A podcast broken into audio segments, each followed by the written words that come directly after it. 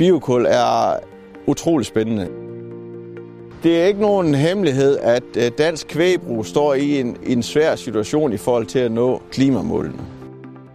Jeg lever af at producere mælk og oksekød, så jeg har selvfølgelig en interesse i at prøve at se, hvad er det for nogle løsninger, vi kan finde frem til i forhold til at, at komme så langt, som vi nu kan. Så har vi leveret al vores husdyrgødning til biogasanlæg. Øh, det har vi gjort siden 2015. Det er så blevet til biogas, som de så har opgraderet til naturgas, som så er kommet ud på nettet.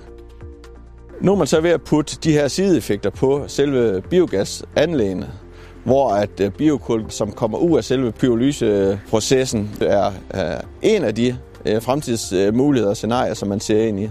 Distal er så ved at etablere et pyrolyseanlæg på et af de biogasanlæg, som vi leverer vores husdyrgødning til.